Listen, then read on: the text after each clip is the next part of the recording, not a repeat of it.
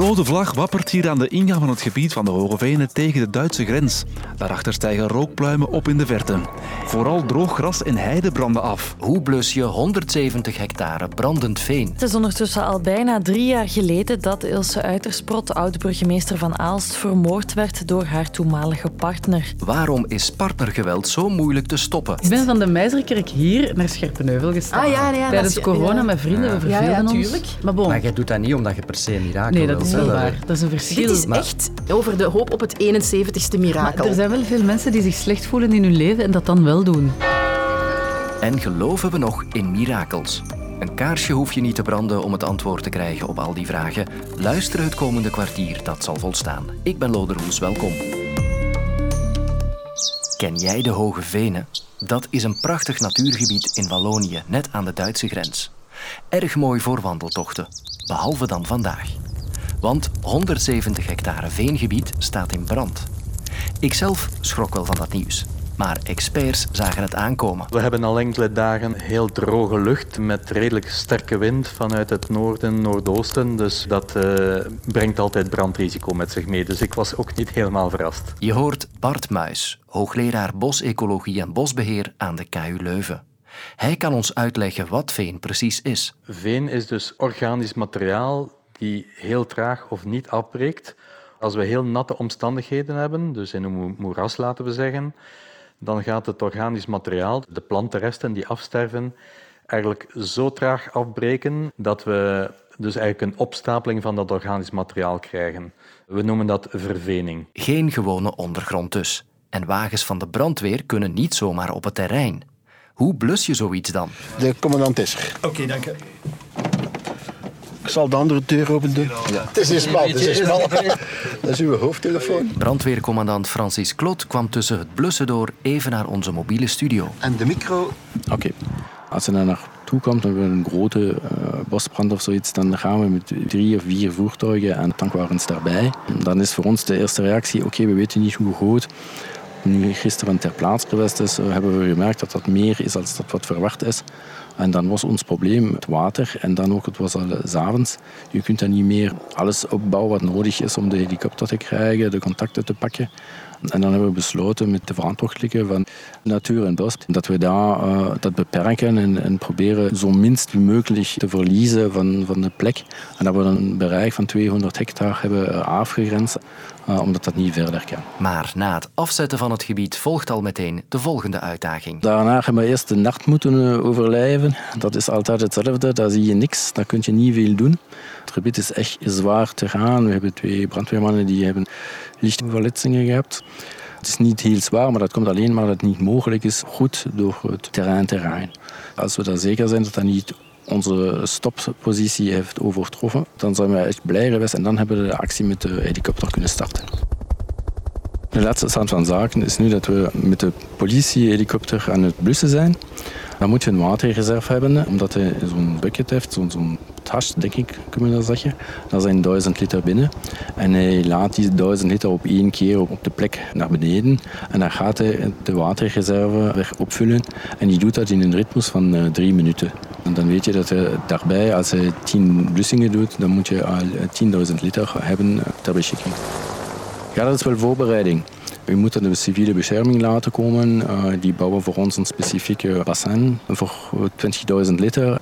We hopen natuurlijk dat we met eh 10 of, of 15 eh, keer eh, dat we dan de, blussingen hebben, hebben gelukt. Het lijkt er dus op dat het vuur binnenkort geblust is. Maar wat is de impact van de brand op het veengebied? Nog eens een vraag voor Bart Muis. Ja, dat, dat gaat eh, wel weer goed komen, maar natuurlijk, ja, lokaal kunnen een aantal planten en diersoorten verdwijnen als gevolg van die brand. Dus het gaat er sterk van afhangen hoe groot die brand wordt en ook hoe hoog de temperatuur want, eh, wordt. Want naarmate de temperatuur van een brand groter wordt, gaat die ook dieper in de grond en gaat die eigenlijk meer schade berokkenen aan zeldzame planten en ook aan ja, ook dieren eh, kunnen, hoe groter de brand wordt, eh, niet tijdig vluchten en dus ontstaat er eh, meer schade.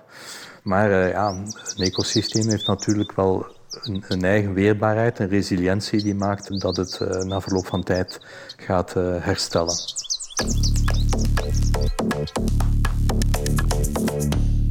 Vandaag is het proces gestart over de moord op Ilse Uitersprot, oud-burgemeester van Aalst, bijna drie jaar geleden intussen. De politie vond het lichaam van Uitersprot in dit appartement in het centrum van Aalst.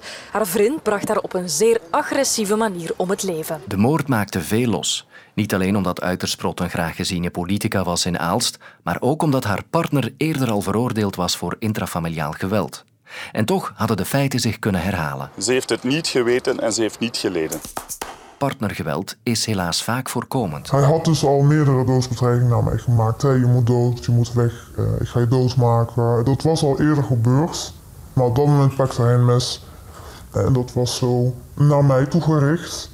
En toen dacht ik, oké, dit was mijn laatste waarschuwing. Vorig jaar waren er 63.000 politieinterventies die te maken hadden met partnergeweld.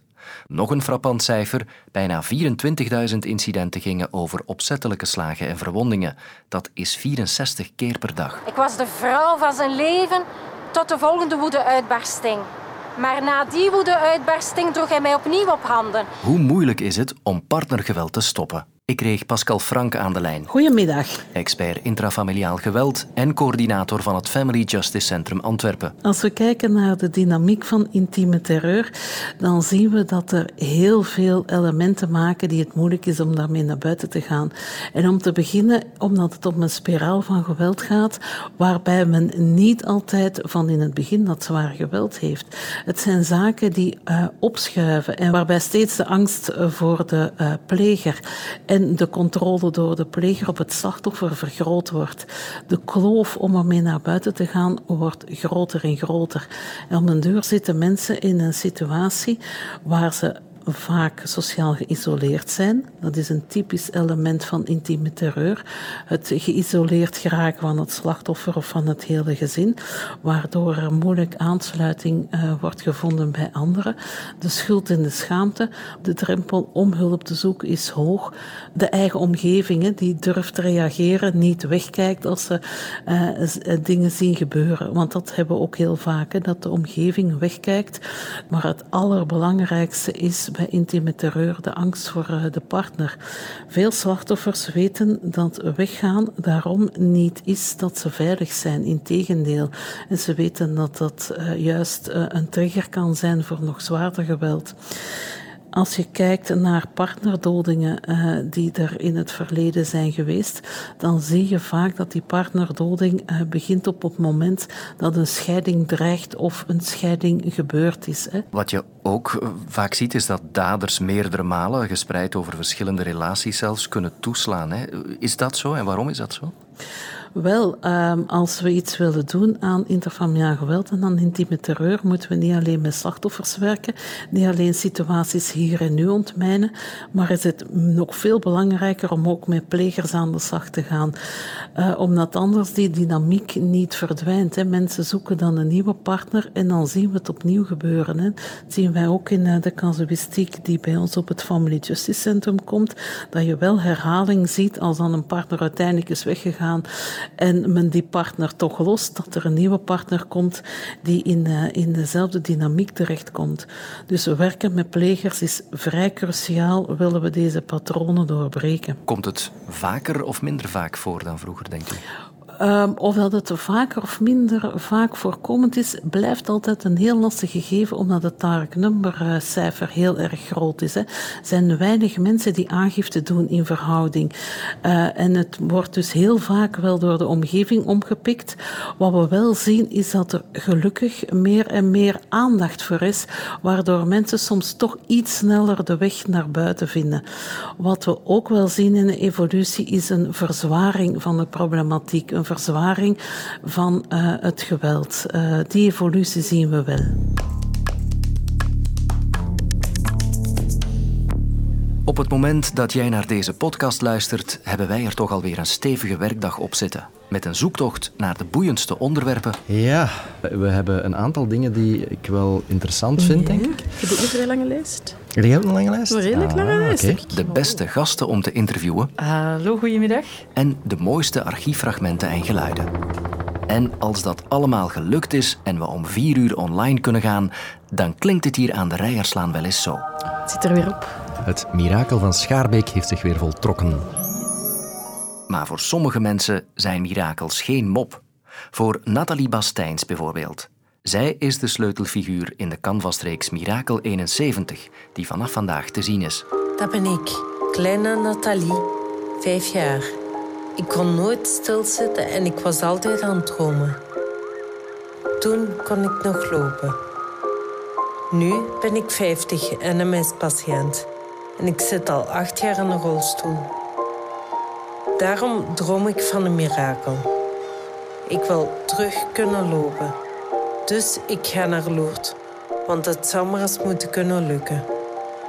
Nathalie trekt dus samen met haar verpleger Gustave en fotograaf Lieve Blankaart naar Lourdes. Want als er één plek is waar een mens al eens een mirakel mag verwachten, dan is het toch wel Lourdes, nee? Een mirakel kan natuurlijk overal gebeuren. Uh, maar ja, natuurlijk, van Lourdes is dat bekend. Al, al, al meer dan 150 jaar trekken mensen naar daar, in grote getalen, ook vanuit Vlaanderen. Ja, op sommige plaatsen wordt het meer aangevoeld dan andere. Ik kreeg professor Hans Schijbels aan de lijn van de faculteit Theologie en Religiewetenschappen van de KU Leuven. Hij is een expert in mirakels. En dat is mijn specialiteit, ja. Volksdevotie eigenlijk, mirakels horen daarbij. Evenzeer als, als pelgrimages en zo. Dit is mijn kans om erachter te komen wat een mirakel precies is.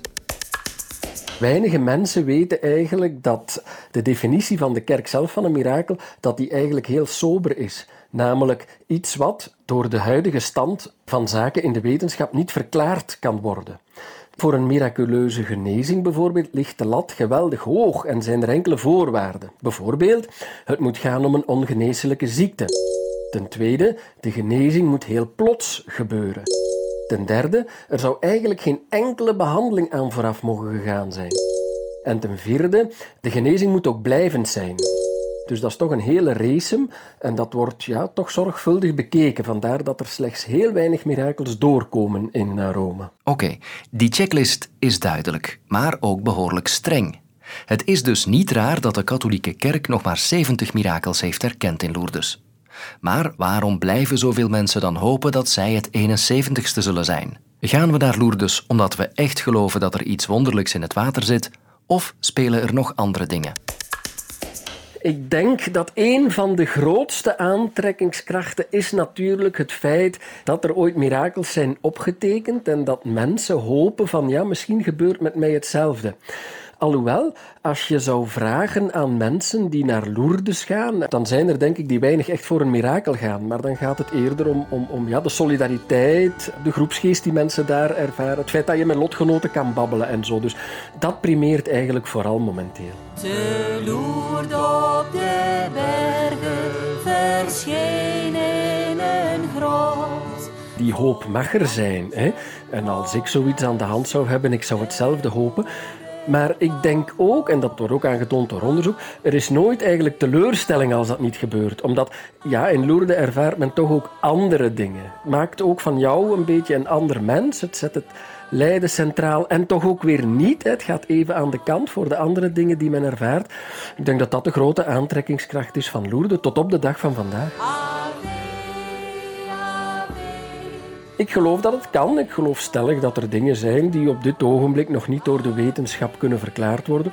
Wat dan de verklaring ook wezen, hè, want uh, om dan een goddelijk ingrijpen te zien, ja, dat kunnen we ook niet aantonen natuurlijk. Ik wil het ook niet uitsluiten natuurlijk als theoloog.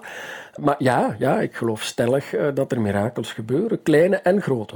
Ik denk dat we niet mogen vergeten dat wonder, miraculum in het Latijn, gaat terug op ja, zich verwonderen over.